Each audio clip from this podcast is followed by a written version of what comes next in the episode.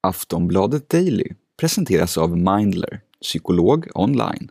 Det är så mycket som 2 769 411 vaccinerade personer med minst en dos om man tittar till idag. Tittar man med två doser och till och med hela förra veckan, då vecka 17, så är det ungefär 750 000 personer då som har fått två doser. En dos är alltså stiger rätt så brant och vi närmar oss 3 miljoner vaccinerade personer. Äntligen har det lossnat. Den stora sista vaccinationsfasen, fas 4, är inledd i nästan hela landet. Vilket betyder att det är dags för gruppen från 18 till 59 år, en grupp på cirka 4 miljoner människor, att få sin första spruta. Men inledningen i den här fasen har inte varit helt smärtfri. En bokningsapp har varit överbelastad medan man på vissa ställen har haft vaccin men inga bokningar. Och viss förvirring har uppstått kring hur den här processen egentligen ska administreras. Som tur är finns Nivette Davoud, Aftonbladets coronareporter och personen med full koll på det allra senaste vad gäller vaccinationen i Sverige. Tillsammans med henne ska vi djupdyka rätt in i fas 4 och vad den faktiskt innebär. Dessutom ska hon få prata om flockimmunitet, vilken är den magiska vaccinsiffran för att kunna nå dit? Och hur är det med smittspridningen? Anar vi en viss ljusning eller ska vi vänta med att andas ut?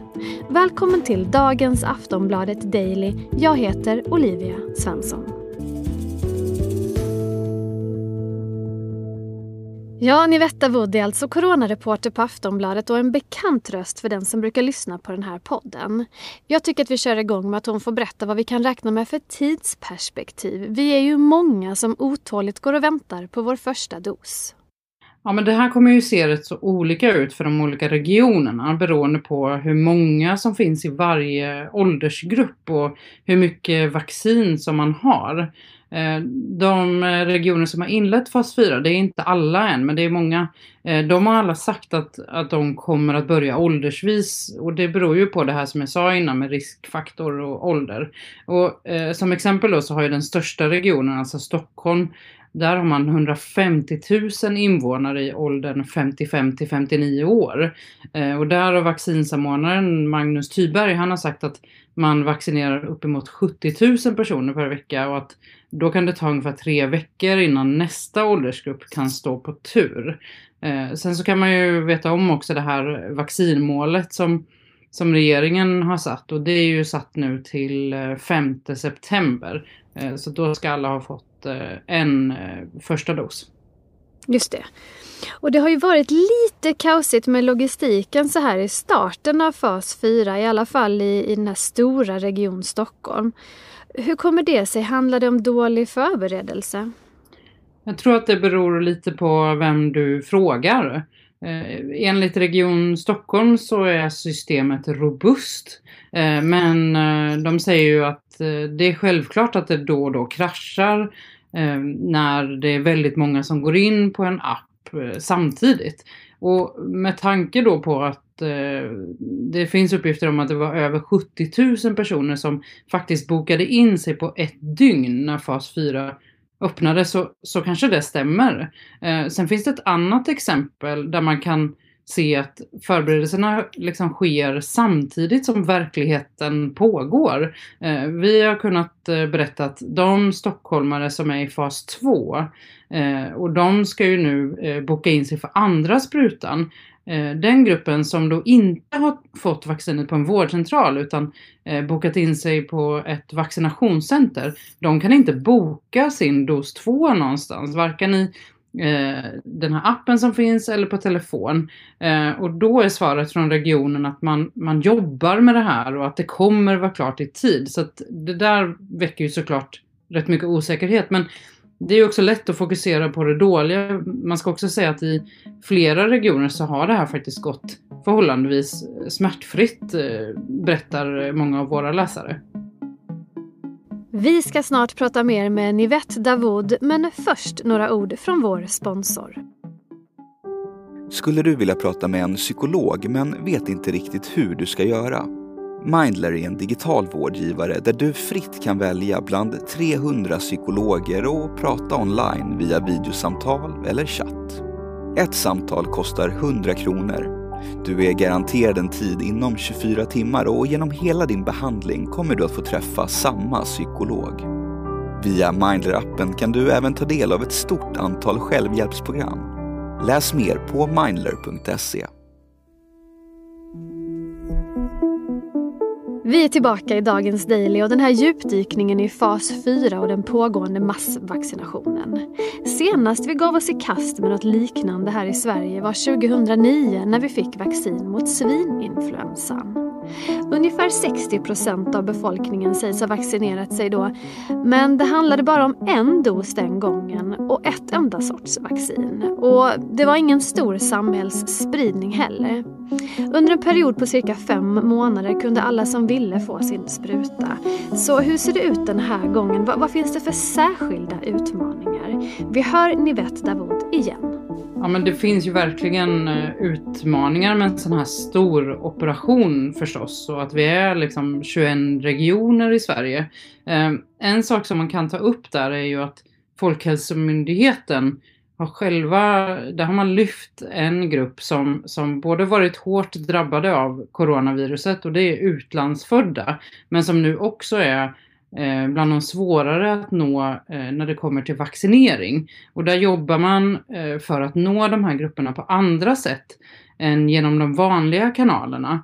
Eh, och det är ju framförallt regionerna som jobbar med det, att man försöker nå de här grupperna genom olika föreningar eller genom så här, sociala medier, alltså olika grupper eller eh, till exempel eh, på det sättet som man har nått dem tidigare när barnen ska vaccineras. Eh, och det här är en, en fråga som både, alltså Folkhälsomyndigheten har fått en del kritik för det här, för att det har varnats inför och nu konstaterar man att ja, så blev det. Eh, men politikerna ska också, alltså partiföreträdarna ska prata om det här i nästa vecka. Sen en annan sak eh, som eh, också har, har eh, pratats om en del är att det kommer uppgifter om att alla i fas 3 inte har vaccinerats än. Där ingår ju både åldersgrupper men också Eh, Eh, de som eh, definieras som riskgrupper. Och då, då är det många som undrar, men varför har då fas 4 startats i vissa regioner? Då ska man veta att eh, rekommendationen är att de här faserna ska överlappa varandra. Att den ena fasen behöver inte ta slut innan den andra börjar. För det är liksom det mest effektiva sättet att vaccinera. Så att i flera regioner så har också de här fas 3-vaccinationerna skett på eh, specialistmottagningar till stor del. Och då har ju vårdcentralerna fått lite mindre att göra och därför har de kunnat starta fas 4. Och hur ser det då ut med vaccinleveranserna? Är de tryggare nu framöver? Det här ständiga gisslet kan man väl kalla det. Men, men eh, en som eh, nästan alltid är positiv eh, är ju vaccinsamordnaren Richard Bergström. Och han säger ju att Eh, vaccinleveranserna är igång och de är eh, säkrade. Um, och de kommer ju framförallt då från eh, läkemedelsbolagen Pfizer och Moderna. Och de har ju faktiskt varit pålitliga under en, en bra tid nu. Uh, det är ju faktiskt framför allt, inte bara, men framför allt Astra-vaccinet som har varit försenat. Um, nästa vecka till exempel så får Sverige 700 000 vaccindoser. Så ehm, Även om han då alltid är positiv, Rickard mm. Bergström, så kan man faktiskt också se på takten i regionerna, alltså inte bara i Stockholm som jag nämnde förut, att det faktiskt går eh, framåt nu. Sen är det så att det finns eh, kapacitet i regionerna att vaccinera 1,2 miljoner människor i veckan.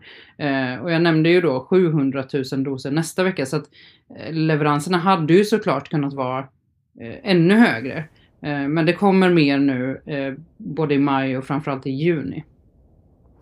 Något som också har skapat oro och som fortfarande skapar oro är ju förstås hur det ser ut med smittspridningen i landet.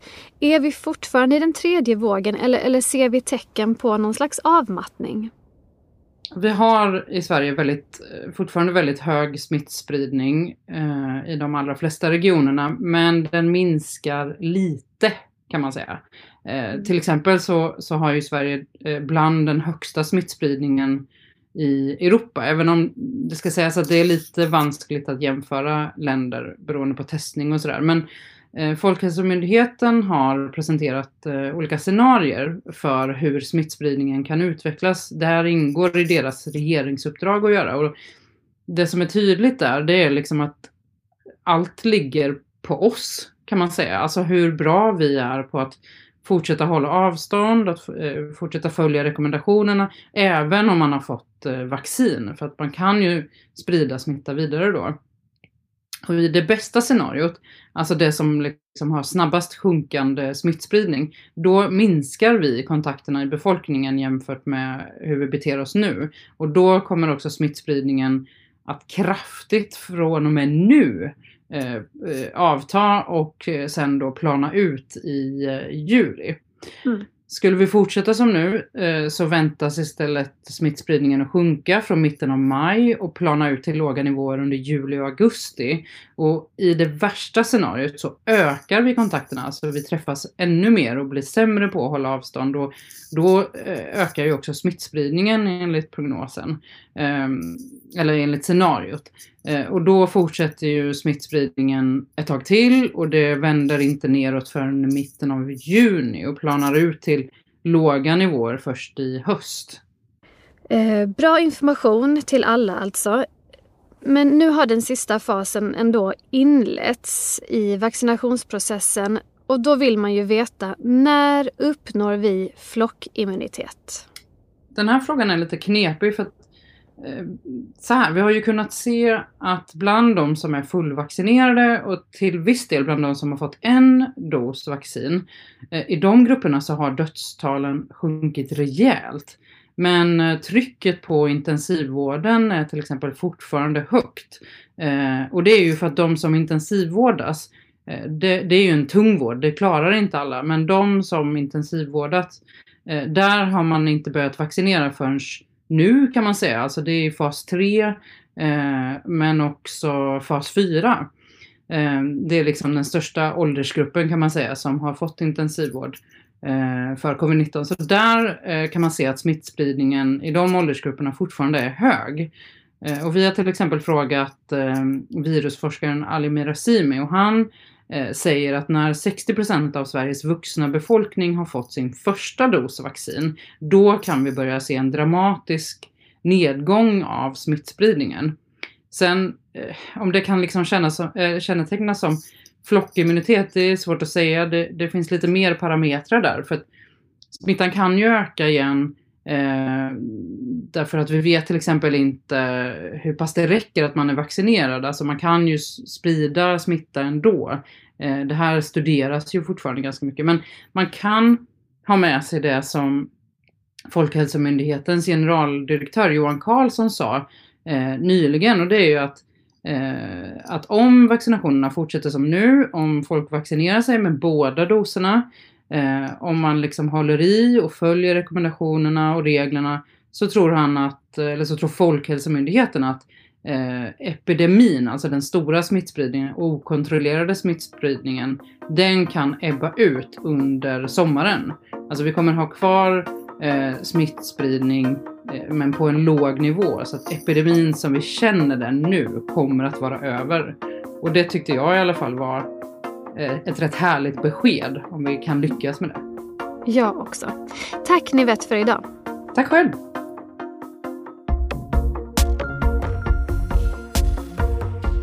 Sist här hörde vi Nivette Davud, coronareporter på Aftonbladet. Jag heter Olivia Svensson och du har lyssnat på Aftonbladet Daily. Följ den allra senaste utvecklingen kring vaccinationsprocessen på aftonbladet.se och så hörs vi snart igen. Hej då!